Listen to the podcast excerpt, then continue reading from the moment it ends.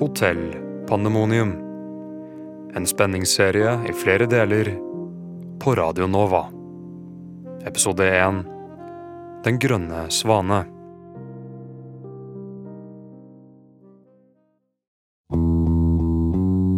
Kverkeby 1992. En liten by midt i ingenting, der gatene ser ut til å fortsette i all evighet, mens de mest sannsynlig burde ha stoppet for lenge, lenge siden. Et sted der alt kan skje, men ingenting gjør det. Og i hjertet av denne nedkjørte gravplassen av et samfunn ligger områdets eneste mulighet for tilflukt, Hotell Pandemonium.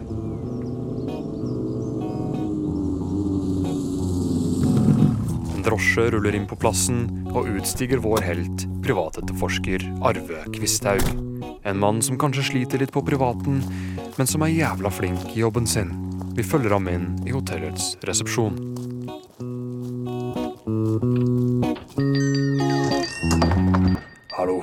Det noen hjemme?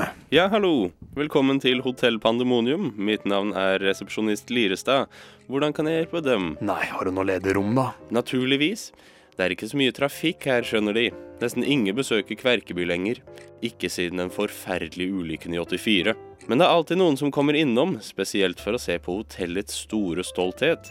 Den grønne svane. En meget verdifull smaragd, og hotelleier Mr. Ferdinand Erebos aller viktigste eiendel. Kan du ikke se at jeg ikke bryr meg om hva du snakker om? Ja, naturligvis. Hva sa de navnet var igjen? Arve Kvisthaug. Ja, og hva bringer så dem til byen? Jeg ble drevet på flukt. Fra hvem, om jeg tør spørre? Fra meg sjæl. Men hør her, cowboy. Jeg trenger et rom, ikke en psykolog. Og hvem har vi så her? De to blir avbrutt av Trine Erebos, Mr. Ferdinand Rebos' datter og hotellets enarving. En farlig, vakker kvinne med en skarp framtoning og en myk silhuett. Det flommende, røde håret danser rundt henne mens hun glir nedover trappene og mot resepsjonen. Ah, frøken Erebos. Dette er privatetterforsker Kvisthaug. Han er kommet til byen for å rømme fra seg selv. Privatetterforsker? Det har vel ikke blitt begått en forbrytelse? Ikke så vidt jeg vet, men jeg er ikke her på jobb. Han strekker ut en hånd mot den vakre sirenen i trappen. Arve Kvisthaug. Trine, jeg begynte å bli litt urolig. Det skjer jo aldri noe her i Kverkeby. Men jeg føler meg trygg av å vite at vi har en sterk, kjekk privatetterforsker på huset. Hun blunker flørtende mot Kvisthaug og gir ham et slengkyss. Kvisthaug drar opp en sigarett og plasserer den i munnen, før han tenner en lighter. Unnskyld, de, de kan ikke røyke her inne. De må gå ut i rosehagen. Han grynter kort, før han slukker lighteren og trasker tungt mot døra. Lirestad og Trine er alene i resepsjonen. Hvorfor ser du så rart på meg? Jeg så hvordan du flørtet med han. Hold deg unna Kvisthaug. Og hvorfor det? Om jeg tør spørre? Han trenger ikke en som deg akkurat nå. Kan du ikke se at hjertet hans er knust? Han er som et skall av en mann, og du kommer til å bruke ham og kaste ham vekk som en gammel pizzaeske, som du alltid gjør. Jeg spiser ikke pizza. Men du spiser menn. Det stemmer.